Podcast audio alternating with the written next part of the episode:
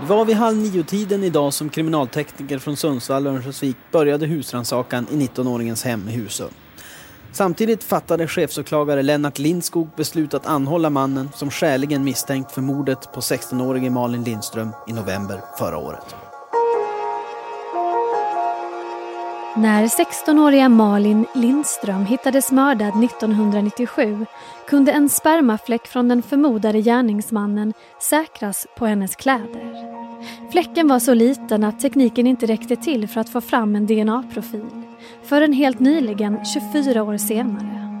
I det senaste avsnittet av Aftonbladet Krim berättar vi historien om det häpnadsväckande mordfallet som nu kan vara på väg att få en lösning.